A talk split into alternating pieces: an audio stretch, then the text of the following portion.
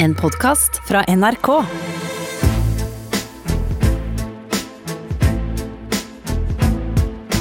Trump mot verden med Gjermund Eriksen og Sean Henrik Matheson. There is something terribly wrong with this country, isn't there? You designed it, sir. You wanted it foolproof. You told me every television in London. Cruelty and injustice, intolerance and oppression.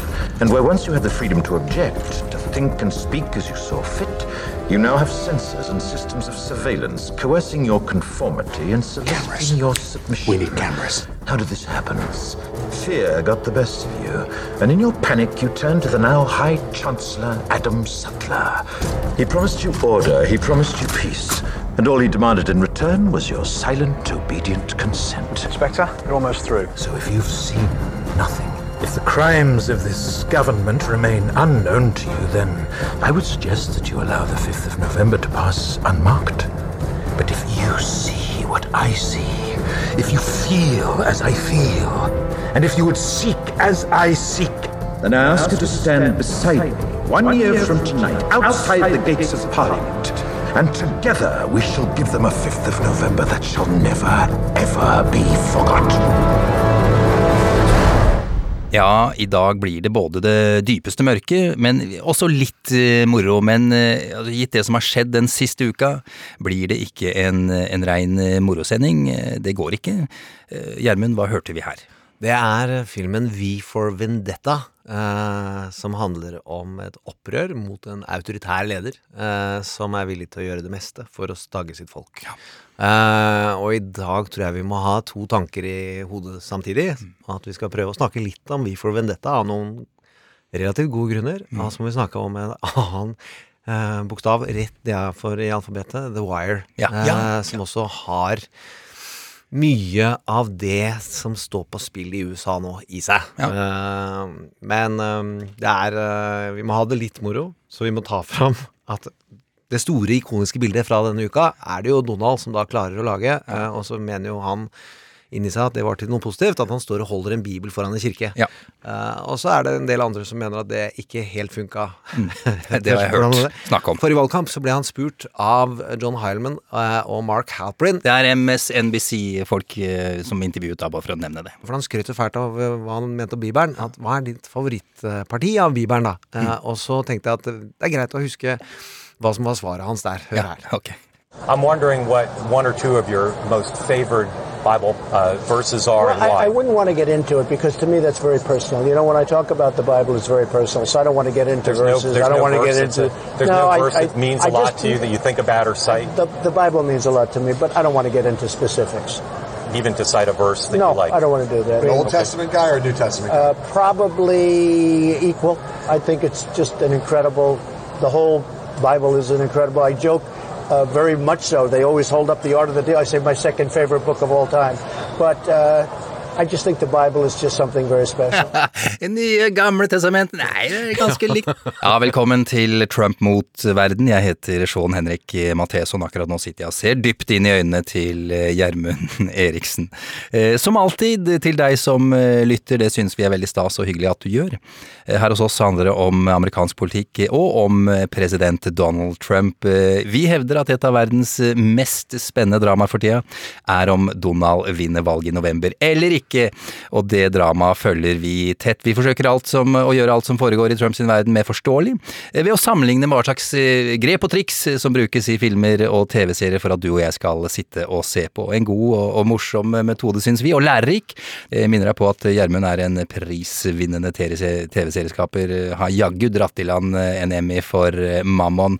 Jeg veit du elsker og hater at jeg sier det, men det er til nye lyttere, Gjermund. Ja, og for de som ikke leste de her tingene jeg la ut på egen Facebook-side i 2017. Det var mange poster. var mange poster. vel fortjent. Eh, Det er fredag formiddag, det er 5. juni. Dag 1232 av hans presidentskap. Taper han er det 228 dager igjen. Ja, Skal vi ta det autoritære først da, Gjermund? Ja, det har jo vært mye snakk om autoritære trekk ved Donald, eh, og så er denne filmen, V for Vendetta, en av de science fictionene som dro opp det størst, og som lagde noen visuelle ting som har prega verden vår mye mer enn de fleste som ikke har sett filmen, skjønner.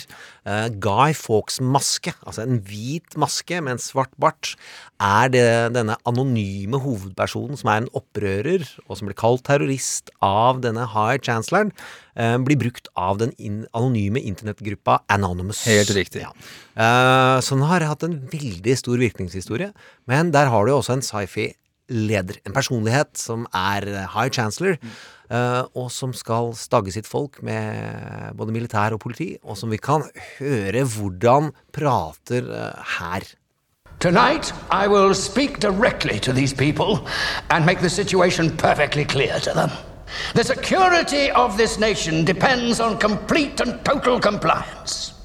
Tonight, any protester, any instigator or agitator will be made example of. Ja, og hør på den lyden og den tonen. Og forrige lørdag så sto Donald Trump på NASAs oppskytning av SpaceX-rakett. Eh, første suksessfulle private selskapsoppskyting, som er en stor dag man skulle feire. Og da hadde opptøyene starta, og så klarer ikke han la være å bruke det til å snakke opp sin person. og peke på seg selv som en løsning. Og så er det da denne lyden som han ikke har tenkt igjennom hvordan fungerer, og hvor stor klangbunn den har til V-formen dette, og det er jo fordi ja, dere kan jo høre sjøl. Det er ikke en klang vi har lagt på. Den eh, kom fra NASA. The violence and vandalism is being led by Antifa and other radical left wing groups who are terrorizing the innocent, destroying jobs, hurting businesses, and burning down buildings.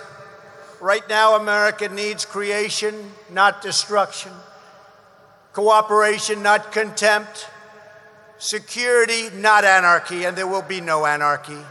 Ja, there will be no anarchy. Eh, og der uh, Det er den lederen som Den autoritære lederen som de har i landet sitt. De som føler seg urettferdig behandla, og som har fått denne videoen av en svart mann som ble, blir kvert uh, og drept, vil jo jeg si, og veldig mange si, av en politimann. Og så er det noe strid om obduksjonsrapporter. Eh, jeg får utrolig vondt hver gang jeg har hørt lyden av hvordan han- de snakker og han slåss for sitt eget liv. Eh, men den følelsen uh, i, av hvordan svarte har det, er The Wire har jeg snakket mye om. Det er en TV-serie som er skapt av en fyr som heter David Simon, og som jeg helt oppriktig mener er det største kunstverket etter renessansen. Ja, ja. Litt, litt svære ord, Nei, nei, nei. men det er fem sesonger hvor du ikke har et svakt minutt, og hvor du ikke kan si at dette tror jeg på. Eh, Når du først blir fanget av fortellingen. Og det er jeg syns det er utrolig vanskelig å lage TV-serier. Og jeg synes at, eh, og det vet alle andre som lager TV-serier òg, at når du har episoder, så er det ting som er sånn Ja, satt ikke helt. Det der funka ikke. Og The Wire har ingen svake øyeblikk. Og det har Internett sagt seg enig. Ja, ok. Uansett. Ja. Og i serien så er det utrolig mange man kan snakke om, og mye mange skjebner. Og denne gangen så skal vi gjøre noe vi ikke pleier å gjøre, nemlig bare introdusere en karakter, og så skal vi snakke om skuespilleren. Ja. For han har sin personlige historie. Ja. Uh, Og en av karakterene er Bank. Det er en av de som virkelig holder moralen i serien. En svart, velkledd detektiv. Og han er utrolig provosert over at andre svarte driver og dreper hverandre i narkotikakampen, og hadde hatt et uskyldig offer, som er en kvinne. eh, ung kvinne, som eh, denne, Han prøver å forklare den gangsteren eh, at han må skjerpe livet sitt. As rough as that neighborhood could be, we had us a community. Nobody, no victim who didn't matter. And now all we got is bodies and predatory motherfuckers like you. And out where that girl fell, I saw kids acting like Omar, calling you by name, glorifying your ass. Makes me sick, motherfucker, how far we done fell. Og så er det Bank. Han spilles av en skuespiller som heter Wendell Pierce. Ja. Eh, og han sto fram etter en av de forrige store eh, skandalene rundt politiets oppførsel. Eh, etter Ferguson, eh, og fortalte om hvordan det er å være svart. Og det er her jeg tror folk må skjønne og prøve å leve seg inn i hvordan det er å være svart ung mann, gammel mann, eh, kvinne, og leve med det trykket som han kommer fram med i historien her. Og det er hvor han forteller om det på realtime med Bill Maher. When the lights go out and I go out in the street and I get behind the wheel of my car, the most dangerous moment I ever have in my life is when a police officer pulls me over. Every black man in America knows that when that happens, there's actually a possibility his life may come to an end. And that shouldn't happen. It actually happened to me in Louisiana, dressed as I am, going to my uncle's funeral, two toddlers in the back. I just picked up my cousin from Chicago, 100 degrees on the road in Louisiana. I'm pulled over, and I sat there waiting for the cop to come. I have a habit of, habit of always taking my wallet out and putting it on the dash to make sure he doesn't think this is going for a gun. I sat there and sat there and sat there, and I realized he hadn't come. Air condition on, 100 degrees, and I look in the mirror and I see That's all I heard. As I turned down the window, you hear, motherfucker, get out that car, I'm gonna blow your fucking head off. Now, he didn't have the training to say, I'm gonna come up to the car. I had to tell these toddlers, be cool, everything's fine, Uncle Wendell's gonna get out the car, everyone, don't move. I put my hands up, get the car, open the door from the outside. But I told the officer, why didn't you use your PA? Simple. Get in your car. Well, why didn't you respond? I said, I had the windows up, it's 100 degrees, and the air conditioner is on. I can't hear you.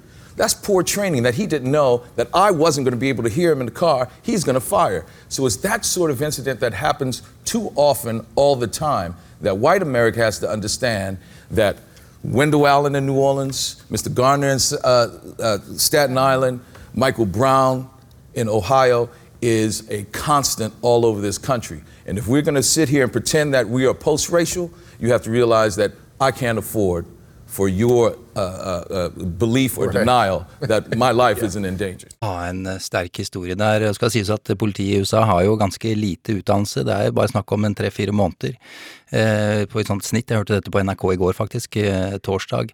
Eh, du nevnte Ferguson. Eh, det er en by i Missouri der det ble ja, borgerkrigaktige tilstander. Det var under Obama i 2014. Da var det en eh, ung gutt, mann, eh, 18 år gamle Michael Brown, som ble, ble drept. Det var enorme opptøyer der, Gjermund. Mm. Og det han beskriver, frykten for å dø, og frykten for å miste sin, eh, sitt barn, sin ektemann eller sin pappa, det er det svarte vokser opp med og har på kroppen, og alle har en bevissthet, en bevissthet om. Tenk at han er trent opp til å legge fra seg lommeboka på dashbordet, tilfelle han blir stoppa, sånn at han slipper å gå ned i lomma, for han kan bli skutt av politiet. Det er 50 ganger større sjanse for å bli skutt som svart av politiet. Det holder ikke. Hvis vi tenker på hvordan det er i dramaserier og filmer, så er det å miste noen, frykten for å miste noen, noe av det sterkeste som man opplever og skriver om i disse fortellingene. Eh, Det er større som drama, altså emosjonaliteten som varer gjennom en fortelling. I en horror så kan du være redd for å miste livet ditt. Å, jeg blir så redd. Ja. Men det går over. Plutselig er du trygg. Men hvor dypt det sitter når du virkelig får til en fortelling der en du er glad i, er trua, og du er redd for å miste den. Mm. den følelsen er det svarte har konstant. Og det er bare Politivolden er ett av flere glimt som vi skal må kunne snakke om her.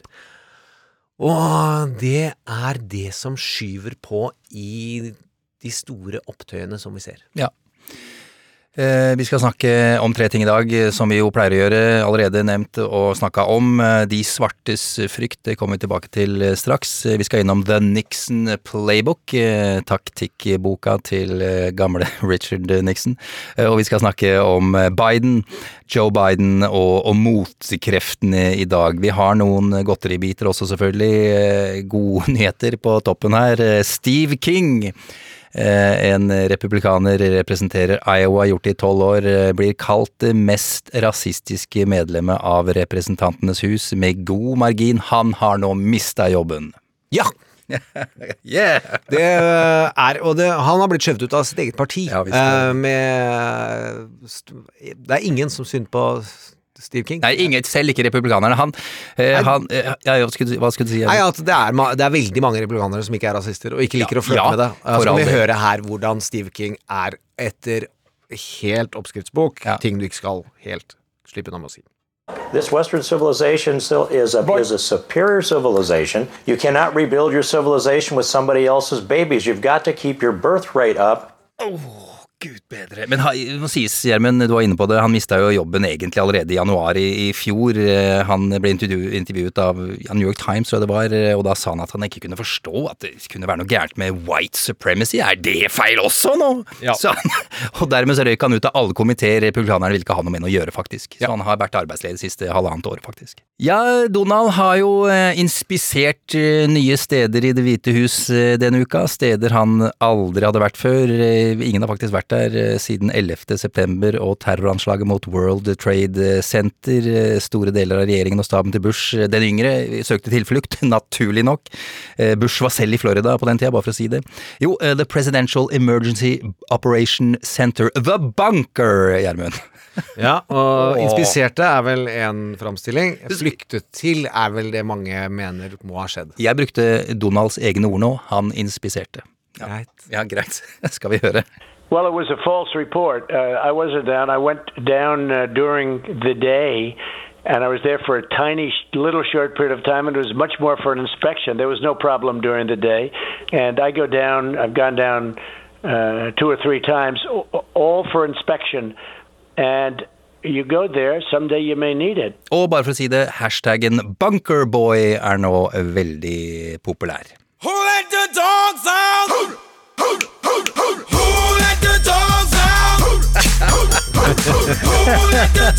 Ja, hvem gjorde det? Ah, gode gamle James Maddog Mattis, yrkesmilitær og forsvarsminister for Donald fra 2017 til 2019. Han hadde nå fått nok av Donald i løpet av den siste uka, så rant begeret over. Ja, og det begeret hadde vært svært, for det hadde fått renne lenge, og han hadde lovet, seg, lovet sine omgivelser, i hvert fall, ikke seg selv, det vet vi jo ikke, eh, at han ikke skulle uttale seg om Donald Trump. Vært stille helt fram til nå. Eh, Han, sier, han sa følgende i en eh, kommentar i The Atlantic, eh, fin, eh, fin nettside å følge med på for øvrig. Trump er den første presidenten i min levetid som ikke prøver å samle det amerikanske folket. Han later ikke engang som han prøver, i stedet forsøker han å splitte oss. Vi er vitne til konsekvensen av tre år med denne bevisste innsatsen. Vi er vitne til konsekvensen av tre år uten ansvarlig lederskap. Knallhardt. Eh, skriver også dette. Før vi invaderte Normandie, ble våre soldater minnet på nazislagordet 'splitt og herske'. Vårt amerikanske svar er 'sammen er vi sterke'. Vi må samle oss i denne krisen og være trygge på at vi er bedre enn politikken vår. Du må lese litt av, eh, lese litt av hva Donald da For det blir hvis du, hvis du kritiserer Donald, så kommer jo han alt han kan løpende. Og så kan vi høre her om det er, mo, om det er modent. Og da snakker vi om en general som er uh, marinjeger. Han er, har så mange medaljer som du kan få, eh, og gjort ø, ekstremt modige ting. Og så er det det med Mad Dog-navnet. Det er at det var et kallenavn fordi han er så gjennomtenkt. Han er så lite Mad Dog. Eh, han er kjent som en som er uh, veldig belest på filosofi, etikk. Og de dilemmaene militæret står i. Eh, så Mad Dog er ironisk ment. Og så er det jo veldig mange som mener at han ble jo valgt av Donald fordi han het Mad Dog. Fordi han syntes det var så kult, og det ville være så bra for en Mad Dog General! Eh, ja, Donald Det er som å kalle Kåre Willoch Mad Dog. Åh. Eh, Jo, eh, Donald tvitra noe i denne eh, greia, eh, leia her at eh, Hei, det var forresten eh, Mattis, han het eh, Chaos eh, da han kom til meg, men jeg kalte ham Jeg fant opp eh, kallenavnet Mad Dog, som selvfølgelig igjen er eh, rein ljug. Ja, ja, han sa altså verdens mest overvurderte general, jeg gav ham et nytt liv, ting å gjøre, kamper å vinne, men sjelden fikk han til noe. Glad han har forsvunnet. Jeg kan bare si én ting, jeg vet ikke mye om krig, eh, men eh, med tanke på at det er generaler på begge sider, og det er alltid en, ofte en som taper eh, Det er mange overvurderte generaler, altså, så det er sterk konkurranse. Mattis, tydeligvis, ifølge Donald, vant der. Ja, ja det er bra. Ja! Rudy har gjort eh, comeback. Rudy Giuliani, en av våre favorittkarakterer, var på besøk hos den britiske journalisten og programlederen Piers eh, Morgan eh, i programmet Good Morning Britain. Kontroversiell fyr, enten så liker hun eller så hater hun, men det er en annen historie. Den skal vi ikke ta akkurat i dag.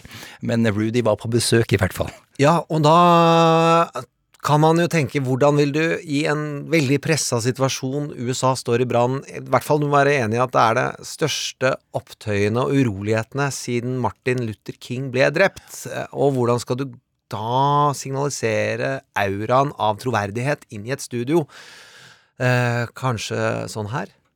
Rudy, I'm sorry, but you- is over as far as I'm You sound completely barking mad. Do you know that? No, I don't. You've you lost the plot. like a big You've liar. lost the plot. And it's sad to see. You, you, you, you're the one who got thrown off the television here. Yeah. because You had ratings that were about two. Yeah? So don't tell me I've lost anything. You keep going, Rudy. I know what happened to your show, Pierce. Yeah? And I remember the mistakes you made. I And remember- I remember how you sucked up. Yeah, well, I remember. So remember. don't give me that stuff. I know who you are. Ja, solid eh, krangel der. Ja, der er jeg på Jeg kan huske noen få øyeblikk som var så flaue på ungdomsskolen, Ja. hvor noen var så triste at de gikk til den ekstreme endua-hjørnet, der du bare blir stående og skrike urimeligheter. Der er Rudy. Ja, det, men han, eh, det løfter humøret på sendinga vår, i hvert fall. Eh, Helt riktig. Vi har lagt ut hele den krangelen på Facebook-sida vår. Gå og sjekke ut den der. Eh, Og jeg må si at Rudy ligner mer og mer på faren til Tony Soprano. Jeg vet ikke om du er enig med meg i det, Gjermund? Det kan jeg godt være enig i. Kliss lik.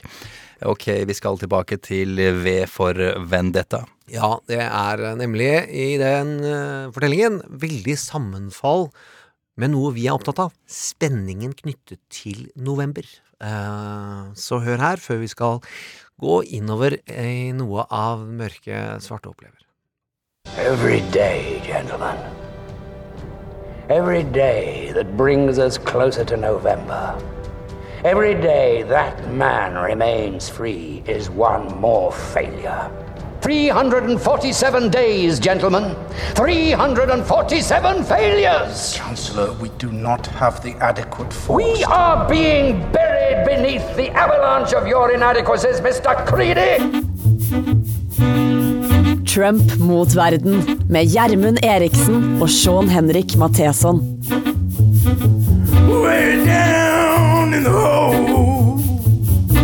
Lynsjing. Ja, et så ubehagelig begrep at det kjennes i kroppen eh, bare ved å si det. Lynsjing er når en, eh, en gruppe mennesker tar loven i egne hender og dreper et annet eh, menneske. Gjerne en offentlig henrettelse. Gjerne henging. I hvert fall i USA. Det skjer i andre land også. Vel, i USA så startet det allerede under den amerikanske revolusjonen på 1700-tallet. Det var eh, nybyggersamfunn overalt, men de hadde ikke nødvendigvis et, eh, et fungerende rettsapparat. De måtte ta loven i egne hender. The Lynch Law, sannsynligvis etter en mann med navnet Charles Lynch, eh, som, som kjempet mot amerikanere som var lojale til den britiske tronen. Etter at den amerikanske borgerkrigen tok slutt i 1865, rådet det fullstendig kaos eh, mange steder, aller mest i sørstatene naturligvis. Eh, Mange hvite mente at eh, de svarte tok for mye plass etter å ha blitt frie mennesker, og da tok Ku Klux Klan på seg ansvaret med å beholde et hvitt herredømme og lynsjet tusenvis av svarte. De ble gjerne beskyldt for å ha voldtatt eller drept hvite. Ifølge NAACP, altså National Association for the Advancement of Colored People, ble det mellom 1882 og 1968 gjennomført 4743 lynsjinger i USA.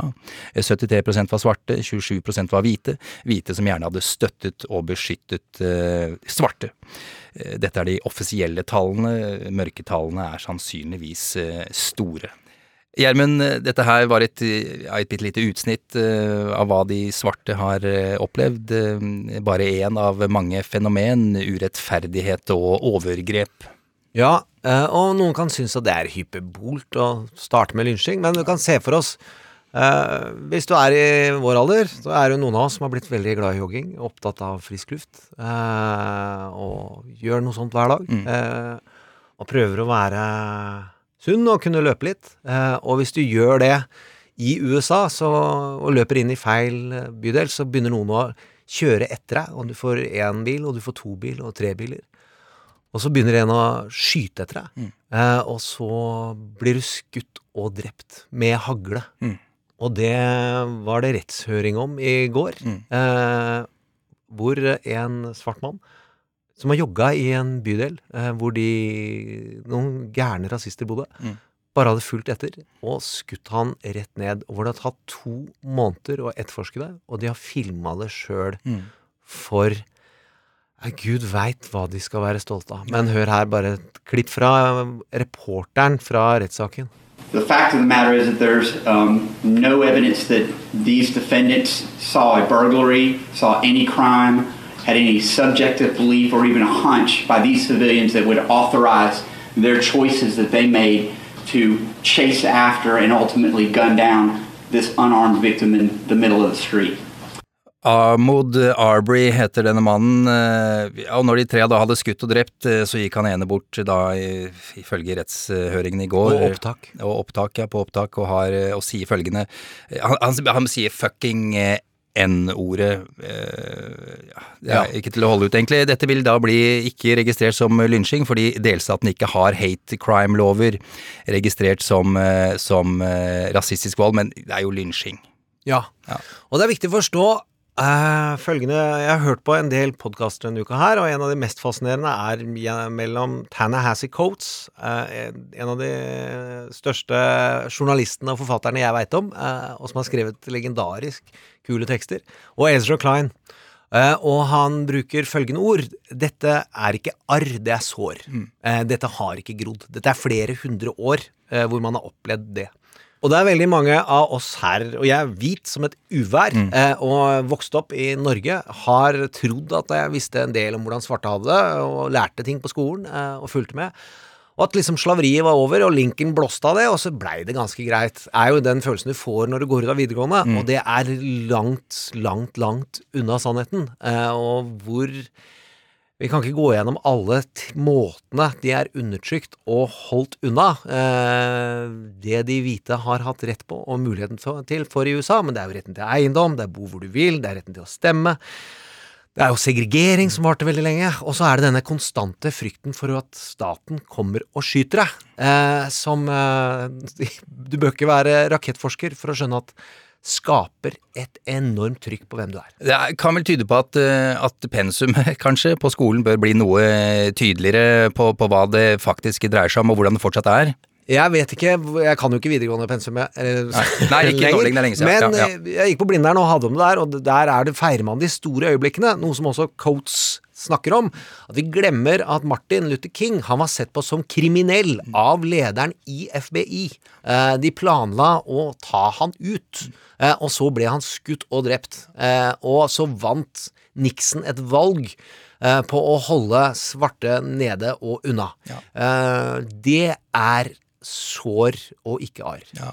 Jeg kan nevne at uh, Tane Hisi Coates er vår uh, ukas karakter. Vi kommer tilbake til han litt seinere. Men uh, Gjermund, vår tilgang, eller altså de flestes tilgang på de svartes eh, historie, er, er jo nettopp gjennom historier vi, vi får høre. Ja, og det Der er jeg veldig takknemlig for eh, fantastiske filmer og serier eh, som forma, våkna, vekka oss og gjør at vi føler urettferdigheten og har muligheten til å ta det inn. Og så kan man diskutere kvaliteten og sånn, ikke sant, men Amistad, eh, om de første slavene, ved Lincoln eh, Hvis du tar eh, 12 Years a Slave, som jeg ikke har turt å se ennå, for jeg eh, får så vondt eh, over lang tid. Du har den som er noe mer underholdende, Tarantinos Django Unchained, som får fram hvor ondt og systematisk svarte ble behandla. Uh, som jeg syns framstiller de samme smertene som Schindlers liste gjør om utryddelsen av jødene, eh, men inn i en cowboyfilm, så den populariserer. Som jeg syns er en styrke ved Tarantinos verk der. Så har vi den nye serien Watchmen, uh, som tar for seg de svartes undertrykking inn i en superheltfortelling, og som eh, også gjør det bredere tilgang på hva slags urimeligheter de har vært utsatt for. Mm. Mississippi i flammer klarer jeg jo ikke slutte å se en gang i året. Det er Gene Hackman på sitt beste. Så Mm. er noen av svakhetene er at det er veldig mange hvite som har fortalt disse historiene, Mm. og det er mye som tyder på at de svarte får fortelle sine egne historier i stadig større grad. Ok, det er eh, gode nyheter. Men alt dette her eh, er jo før drapet på, på Floyd. eh, så, så er det jo flere andre skjebner også vi bør trekke frem, som, som jo har bygget opp det vi, vi ser nå, da. Ja, det begynner med en av de Altså, jeg er jo ikke en fyr som ble drept, men som drepte. Eh, eh, for å forstå trykket på svarte amerikanere.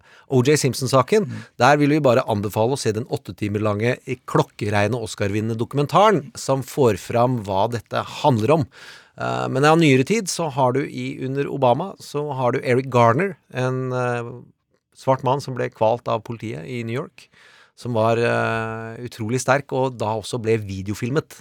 Og det snakker Ezra og Tanahassie om, at dette hadde jo ikke skjedd hvis man ikke hadde mobiltelefoner. Eh, dette vet svarte at har skjedd mange, mange, mange flere ganger. Mm.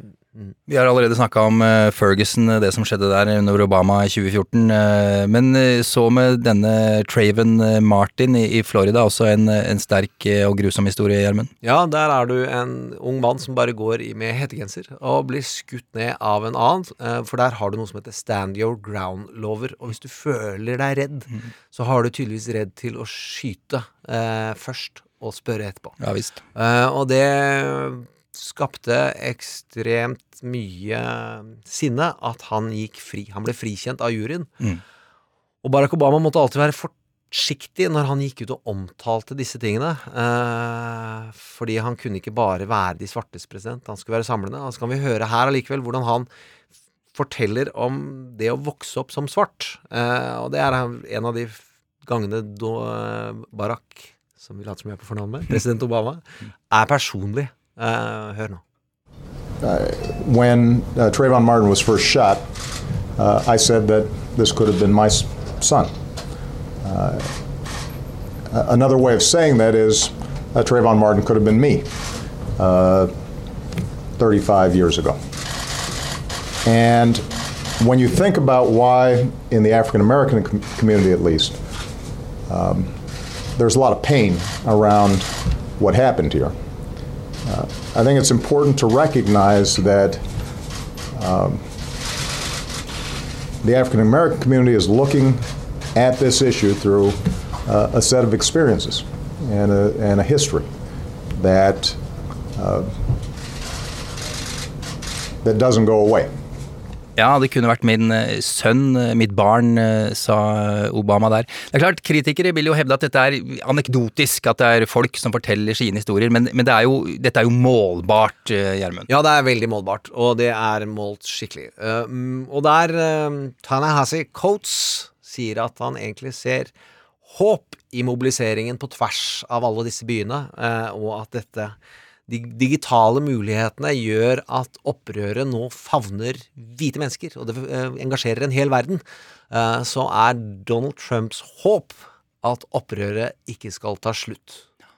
Det er grusomt å tenke på, og vi skal nå over til eh, noe som kanskje tyder på det. Eh, vi skal snakke om The Nixon Playbook, eh, taktikkboka til Nixon.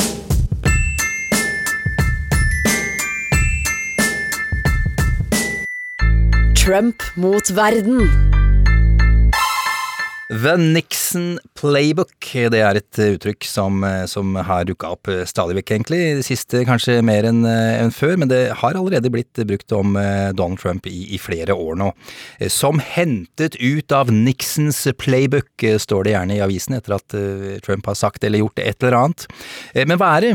Eh, Ja, for eksempel at eh, alt er media sin feil. The war on media. Richard Nixon hadde et meget anstrengt forhold til pressen, og det var faktisk han som begynte å omtale pressen som media. Før han ble president, så var media, ja, de var pressen. The press. Nixon synes media virket mer mistenkelig, eh, og forsøkte dermed å sette pressen i et dårlig lys. Eh, Ja, virker det kjent? Fake news, enemy of the people. Eh, Nettopp. I 1973, da demokratene og, pressen for så vidt ville ha opptakene av telefonsamtalene til Nixon, The Nixon Tapes, der det kom tydelig fram at Nixon eh, visste meget vel eh, om hva som hadde skjedd på The Waterhouse Hotel, så foreslo presidenten at han kunne gi dem til en respektert kilde som kunne gjenfortelle det han hadde hørt. Eh, Han valgte seg en meget konservativ demokrat som var viden kjent for at han var så å si stokk døv. Eh, det ble ikke noe av det forslaget, naturlig nok. Da demokratene bygget opp riksrettssaken mot eh, Donald i fjor høst, og det handlet om den perfekte samtalen med Ukrainas eh, president, som Trump ikke ville offentliggjøre, så sa demokratene ja, men dersom dette her er en perfekt samtale, kan dere ikke bare offentliggjøre dem da? For dere vil jo frikjenne Donald. Eh, Da sa Trump at han ville vurdere å gi dem til en respektabel kilde, så kunne han eh, gjenfortelle det han hadde hørt. The Nixon eh, Playbook. Vel, det skjedde ikke det heller, eh, men Det hvite huset offentliggjorde en redigert utgave, der det ifølge flere svært troverdige kilder og vitnemål fra under rik- riksrettssaken, eh, ja, de hadde fjernet da en haug av utsagnene fra presidenten. Da Nixon forsøkte å bli valgt til president i 1968 og lykkes med det, var law and order det handlet om. Opp gjennom 60-tallet var det en, var et av hovedslagordene til de konservative kreftene i USA, law and order. 60-tallet var det tiåret der svarte i USA for alvor hadde fått nok av systematisk diskriminere. Det er en helt uhørt forenkling fra min side der. Men det var i hvert fall preget av voldsomme protester og opptøyer, og ikke minst politivold og, og drap. Og i 1968, altså, så gikk Nixon til valg på at han ville slå hardt ned på protestene i gatene, ikke på politivold og maktmisbruk. Så når Donald erklærer dette I am your president of law and order. Ja, så er også dette hentet fra taktikkboka til Richard Nixon, The Nixon Playbook. Så Gjermund, hvordan har Donald ja, starta, og, og, og, vil det gå, er vel det vi, vi, vi lurer på? Ja, og det blir spennende. Ja. Uh, men før vi begynner på om playbooken vil funke, ja. så er det jo å se på de tre enorme krisene han står oppi, og hvor de ligger oppå hverandre. Vi har pandemi, som har medført den største økonomikrisen siden depresjon, uh, og nå har han raseopptøyer på størrelse med hvordan det var når Martin Luther King ble drept. Ja. Og hvis man tenker på hvor kaldt det er rundt The Nixon Playbook, så husk at han vant valget rett etter at Martin Luther King blir skutt og drept. Ja. Og Robert Kennedy blir skutt og drept. Så velger USA Nixon. Ja. November blir spennende, folkens. November blir spennende. Men uh, denne tweeten hans uh, er vel det som er, eller var, voldsom bensin på bålet, for å si det sånn. Ja, han starta forrige fredag med 'When the looting start, the shooting starts', som en undersetning i en av de tweetene han sendte ut. Og som er en referanse til uh, det jeg tror er en Florida-ordfører som var veldig voldelig. Mm. og som selvsagt da bare var bensin på flammene. Ja, ja. Så kan man klippe til at det virker som de var i kaos og ikke hadde fra å være den fyr som sier at det er law and order. Mm. Eh, ikke en plan for hvordan man skal fikse raseopptøyer, i hvert fall. Eh, det å gå i bunkersen og skru av lyset Mm. eh, er ikke det Donald egentlig hadde lyst til. Han skjønte ganske raskt at dette sender ikke det signalet han ønsker, eh, for han er eh, veldig glad i militæret. Ja, han har jo en, ja, en militær fetisj. Tenker på alle disse paradene han har lyst til å holde, sånn som de gjør i, på Den røde plass og i Frankrike. Ja, han har jo virkelig søkt om å ha så mye tanks at det ville ødelegge alle gatene. Ja, det er altså, derfor han ikke fikk lov. Det ville koste altfor mye å reparere alt sammen. Og i tillegg til at det er fornuftige folk i det amerikanske militæret som vet at vi, der driver man ikke med diktatorparader. Og så kan vi høre at han han har kommet med mye kjærlighetserklæringer, men han mener jo at han tross alt er bedre. There's nobody bigger or better at the military than I am. Ja, og det er veldig rar bruk av adjektiver. Bigger and better. Uh, men la det ligge. Når han da har kommet opp av den bunkersen, så har han et kjempebehov for å skape et nytt inntrykk. Eh, og det krangles og det diskuteres der inne om hvordan det skal gjøres. Og så er det lovlige demonstranter som er i parken foran Det hvite hus. Og så er det noen som får da det bright ID om å bruke militære og politi, et tåregass og gummikuler, for å rydde den parken. Mm. Og vi får dette ikoniske bildet, som jeg tror, om han vinner eller taper i november, blir ganske ikonisk for hva han har gjort. Han går eh, tar med seg sentrale folk fra staben sin, eh, og går og marsjerer til en kirke som noen hadde forsøkt å sette i brann. Eh, Dagen i forveien. Dagen Kvelden i forveien. ja. Eh, og går dit, holder opp en bibel, som han holder opp ned, for some strange reason, eh, og tar med seg dattera si. Eh, kan ikke du stå ytterst til høyre på bildet også, og et par andre, og sier noe eh, rart, eh, og så spør noen er det din bibel. It's a Bible. Mm. Veldig upersonlig. Går tilbake, og så får han dette paradeøyeblikket der, eh, hvis man ser hele videoen, at de, det er veldig rart fenomen å skulle ha politi på den ene siden og militær på den andre, når landet ditt står i brann. Mm. Og de blir kjempestolte. Mm. Eh, altså de som jobber sammen med ham. Ja. de skryter til politikere blant annet at ja, det ble fantastiske bilder. Dette her var en unik anledning for oss å vise militær styrke. Og vi fikk to typer bilder. Én ting er Donald med bibelen, og Donald mellom de to. Men vi fikk også hvordan vi bare brukte ordentlig eh, ordentlig makt Ja. mot folka i parken. Eh, og så slo det andre veien. Jo, men men Gjermund, uh, greit, de var stolte, uh, mange, men det var også enkelte som begynte å, å gi Trump motstand for det han hadde gjort her. Det er klart at når din egen forsvarsminister holder pressekonferanse og ser de tingene vi kan høre nå, da har du ikke, da har du ikke hele laget med deg. I did know that following the president's remarks on Monday evening, that many of us were going to join President Trump and review the damage in Lafayette Park and at St. John's Episcopal Church. What I was not aware of was exactly where we were going when we, when we arrived at the church and what the plans were once we got there. Forsvarsminister Mark Esper eh, orker ikke å ha dette her eh, på jeg håper å si samvittigheten eller på rullebladet sitt. Nei, det har rulla litt fram og tilbake med hva han sjøl har sagt og ment om dette. Det han gikk jo hardt ut mot Donald, trukket seg litt. Men du har også lederen av alle militærdisiplinene, The Joint Chiefs, eh, har en øverste leder som også bare sa dette er jeg ikke med på. Mm. Uh, og hvis vi da skal bare ta en av våre favorittkarakterer, eh, som er Maggie Haberman i New York Times, som har noen av de drøyeste og viktigste kildene eh, inni Det hvite hus, eh, og som Donald også er veldig god kilde av, som jeg forteller. Ja, Han elsker jo henne av en eller annen grunn. Ja, eh, så må vi huske på, før vi hører hva Maggie sier, at først kom det en bok som het Fire and Fury, om hvor utrolig redde og bekymra alle de som jobber rundt Donald, er for den situasjonen de er i. Og så kom Fear av Bob Woodward, som handla om hvor redde og bekymra, hvor lav moral det var blant Donalds medarbeidere for hva som kommer til å skje.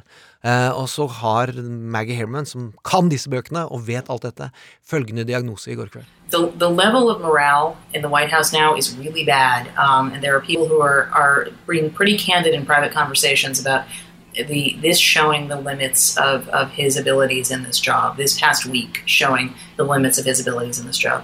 Ja, klokkeklart er fra Maggie Haberman der, altså New York Times-journalist. Eh, eh, men men det, det har jo ikke har vel ikke gått helt som de hadde håpet, eh, Gjermund, for eh, Donald. Og, eh, og ja, meningsmålingene er vel ikke gode etter dette her. Nei, hvis man ser på Nixon Playbook, så skulle det gått bedre når du viser makt og skryter av dine militære, og at politiet kan ta så hardt i folk som de vil. Eh, mens det var én måling hvor han var nede i 20 mm. av folk som gir tilslutning til hvordan han løser jobben sin.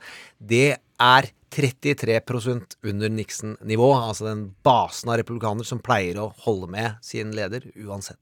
Uh, og der Donald ønsker å spille på frykt og dele nasjonen, altså det Mattis er så provosert av, i denne faretruende situasjonen så vil han spille på frykt, og han vil at hvite mennesker skal være redd for de svarte bermene som bare eh, driver med luting og plager folk. Eh, det kan virke som at det ikke fungerer like godt denne gangen. Men det er ikke sikkert, eh, fordi det er fem måneder igjen til valget. Det er en stund til valget fortsatt. Eh, vi skal snakke om hvordan det går med, med Joe Biden. Ja, cowboyhelten vår, Pale Rider. Eh, det er en cowboyfilm med Clinton. Og hvis du ser på Joe Biden, så er han en fyr som liker å posere cowboyaktig. Har vi den flere ganger. Eh, og så må vi spille hans eh, temasang eh, om eh, hvor han er på vei med pistolen i hånda.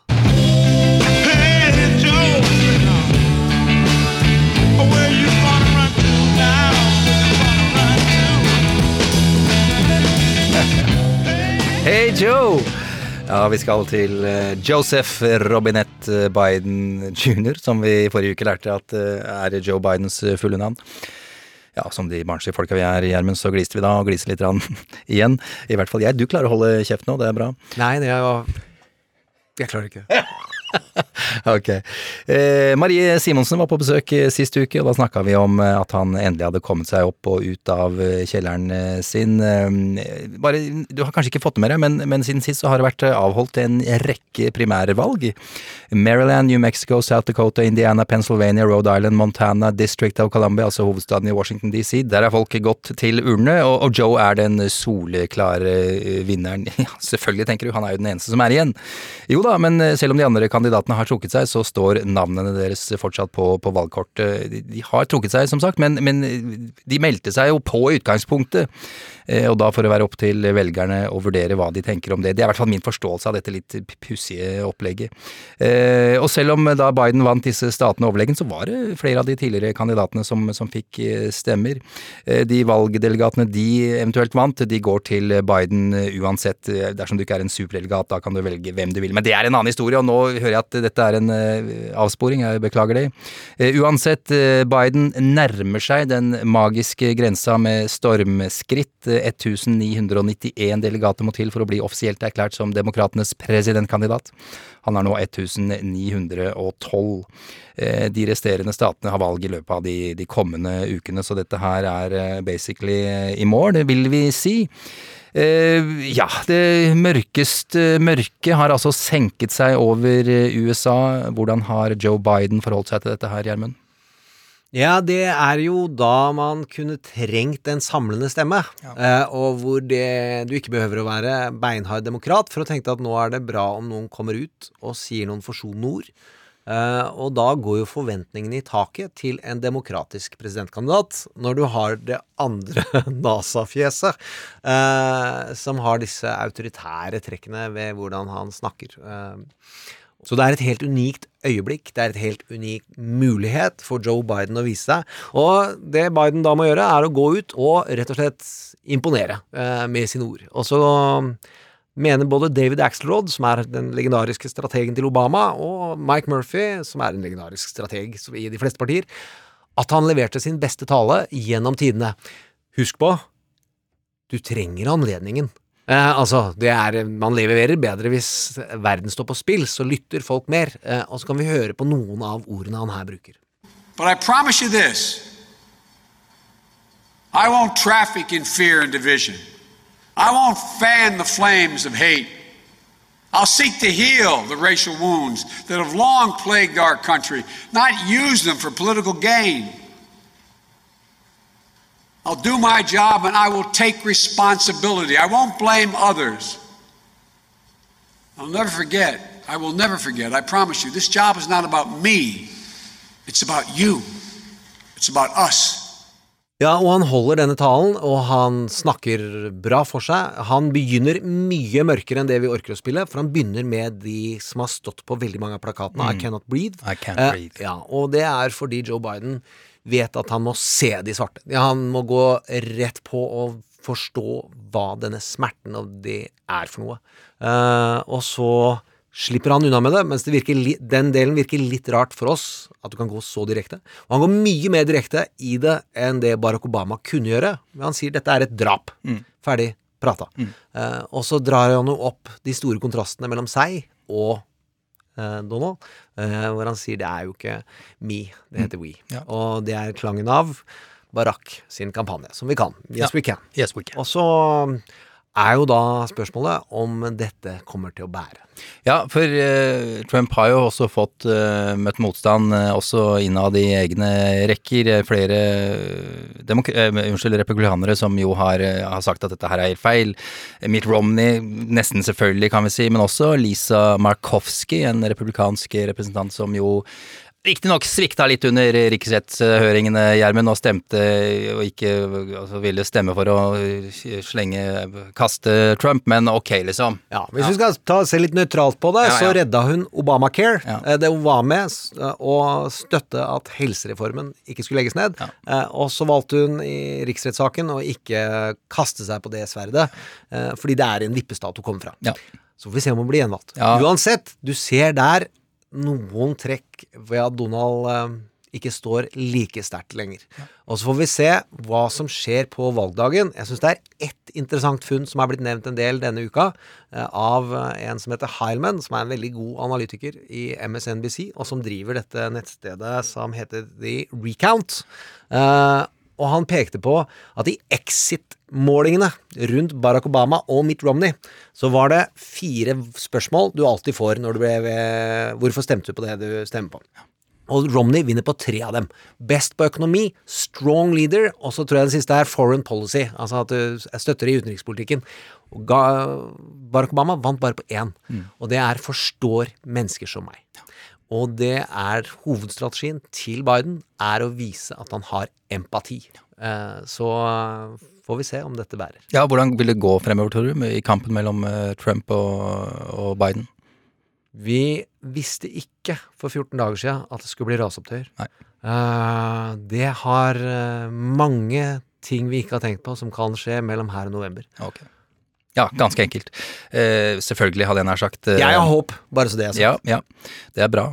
Eh, vi skal til ukas karakter. Best-selling author Ta-Nehisi Coates pulls no punches in his writings about race relations in America. Please welcome Ta-Nehisi Coates. Ja, ukas karakter. Vi har allerede nevnt ham eh, tidligere i dag. Tanehisi Coates. Fordi han har en helt unik evne til å beskrive det svarte Amerika, det svarte Amerikas utfordringer. Er kjent for noen legendariske artikler. Uh, The Case for Reparations. Hvorfor svarte skal få erstatning. Eh, og han er kjent for en fantastisk bok. Reparations er jo en generell erstatning for uh, alt de har lidd seg gjennom gjennom hundrevis av år. Ja, og han er en av Barack Obamas favorittforfattere og journalister, uh, og som skrev utrolig kritisk og tøft mot Obama. Og Obama gikk i debatt med. Og det er kjempespennende debatter de, de har. Og han hadde jo da dette lange intervjuet med Ezra Klein, som jeg hørte i går. Fra Vox, denne favorittsiden vår på Ja, nett. og hvor du har en podkast som heter The Weeds, hvor man har lange samtaler. Uh, vi er kortformat i forhold Altså, vi er en liten singel. altså en kort singel. Vi er, uh, la oss si vi er Tre minutter eh, poplåt. ja, men Ta en Beatles-sang, da. altså Den første, 'Love Me Do'. Det, er, det er oss. Og de, så er de fire dobbeltplater med Pink Floyd. Prog-rock. Det er, god, det er en god podkast, det er det jeg sier. Uansett, han sa det er håp. Uh, og hans argument for det var at faren hans var grisefattig fra Baltimore. Uh, Tallahassee snakker som en fyr som uh, er fra Baltimore, og er fra The Wire. Faren hans har vokst opp i de fattige bydelene og er en fattig fyr, men utrolig gjennomtenkt. Eh, og Tallahassee ringte han og sa hvordan ser du på dette her? Og så forteller han om at faren sier at dette her er mye bedre enn opprøret etter med Martin Luther King. Uh, de svarte er nå koordinert, og det hadde vi aldri sett for oss i 1968. At dette ville folk ha empati med. Hvite mennesker i samtlige byer vil stå sammen med oss i tog. Vi vil kjempe mot overmakten, og det vil vise eh, hvordan denne urettferdigheten må bøtes med. Det mente han. Dette peker framover, eh, som jeg tenkte kan være greit å avrunde med i dag. Ah, Eh, deilig med håp, Det er deilig med håp, men Ja. det Husk på hvor mørkt det er. Ja, så, for all del. Eh, og som Tallahassee sier, eh, dette er sår og ikke arr. Ja. Eh, og det har ikke grodd ennå. Men eh, det går framover. Ja, fint, Gjermund. Eh, Takk skal du ha. Eh, vi minner deg på Facebook-sida vår, Trump mot eh, verden. Eh, der foregår det masse rart. Det, ja, det er jo for så vidt god- temperaturen. Ja. Må roe temperaturen. Ja, det Folkens, ja. helt, helt, helt seriøst. Vi ønsker å dele interessante artikler og morsomme ting som skjer på begge sider. Og så må folk slutte å snakke i capslock. Og så er det Man må ikke Det er ikke noe vits i å snakke i capslock. Men det er lov å være uenig, fader heller, det er ikke noe stress det, men bare vi oppfører ordentlig. Og det er stort sett, det er, nest, det er 98% flinke, hyggelige folk der. Ja, og dere andre må bare slutte å karakterisere hverandre. Ja, det er, ikke, det er det dummeste. Ikke gjør det. Ja, vi har jo en konkurranse gående på Facebook-sida vår. Vi har trukket eh, et par heldige vinnere av eh, vår kopp, eh, kaffekoppen vår. Det handler jo om høyesterettshøringene, om hvorvidt disse skattemeldingene til Trump skal bli offentliggjort eller ikke. Mm, Eller utlevert til Utlevert. to ulike retninger. Og så var konkurransen Tror du det går, gikk, høringen gikk i Donalds favør eller disfavør? Og der er det marginalt, men litt i hans disfavør, eh, som eh, noen har ment, og de får kopper i posten. Og vi eh, sier navnene. Alina Svenning er den ene, og Ulf Morten Davidsen er den andre, hvor vi gjorde dette ved at Silje sa noen tall mellom alle innsendte, og Ja. så dro vi oss nedover i skrollen. That's how we roll! Denne Eh, gangen. Gratulerer eh, til, eh, til dere som vant nå. Minner deg også på mailadressen vår, trump at nrk.no. Og selvfølgelig at du må huske på å anbefale podkasten til alle du kjenner, og alle du ikke kjenner. Det er vel tid for eh, ukas eh, åpningsscene av denne fantastiske TV-serien Trump mot verden. Eh, Koster en milliard per episode. Godt opp, vi har fått mer penger siden sist, Gjermund. Ja, og dette er satire og fiksjon, folkens, så det lages ikke. Men du har en ny scene, og en ny åpningsscene, for hvordan denne fortellingen, når vi får muligheten til å lage ti episoder drama i, til ti milliarder. Ja, helt riktig. 10 milliarder. Og bare utgangspunktet er jo en eh, fantastisk Spotify-liste som, eh, som du som hører på har vært med på å lage. Sendt inn eh, låtforslag til, eh, til hvilke eh, låter vi kan bruke i første scene av første episode, ikke sant? Egner seg til jogging Mm. og matlaging, og veldig bra Spotify-liste. ok, her kommer den. Skjermen er svart. Så hører vi lyden av et golfslag. Oh, bad luck, Mr. President. Looks to be in the water. No, it's definitely on the green. Baby, here I am, I'm a man on the scene. I can give you what you want, but you got to go home with me. I forgot some good old love, and I got some in store. When I get through throwing it on you, you got to come back for more. Boys and things will come by the dozen, but that ain't nothing but drugstore loving. Pretty little thing, let me light the counter called Mama. I'm so hard to hell and I, yes I am. Du har hørt en podkast fra NRK. Hør flere podkaster og din NRK-kanal i appen NRK Radio.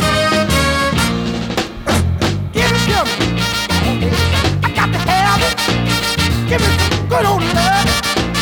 So much no good love. I'm a big old man, mama. When I'm too hard. En podkast fra NRK. Hva med en podkast som plukker ut de viktigste nyhetene for deg? Både fra Norge og verden. Og som snakker om dem på en sånn måte at du ikke klarer å la være å høre på. En snarvei til skikkelig peiling. Hør nyhetspodkasten Oppdatert Med meg, Ragna Nordenborg. i appen NRK Radio.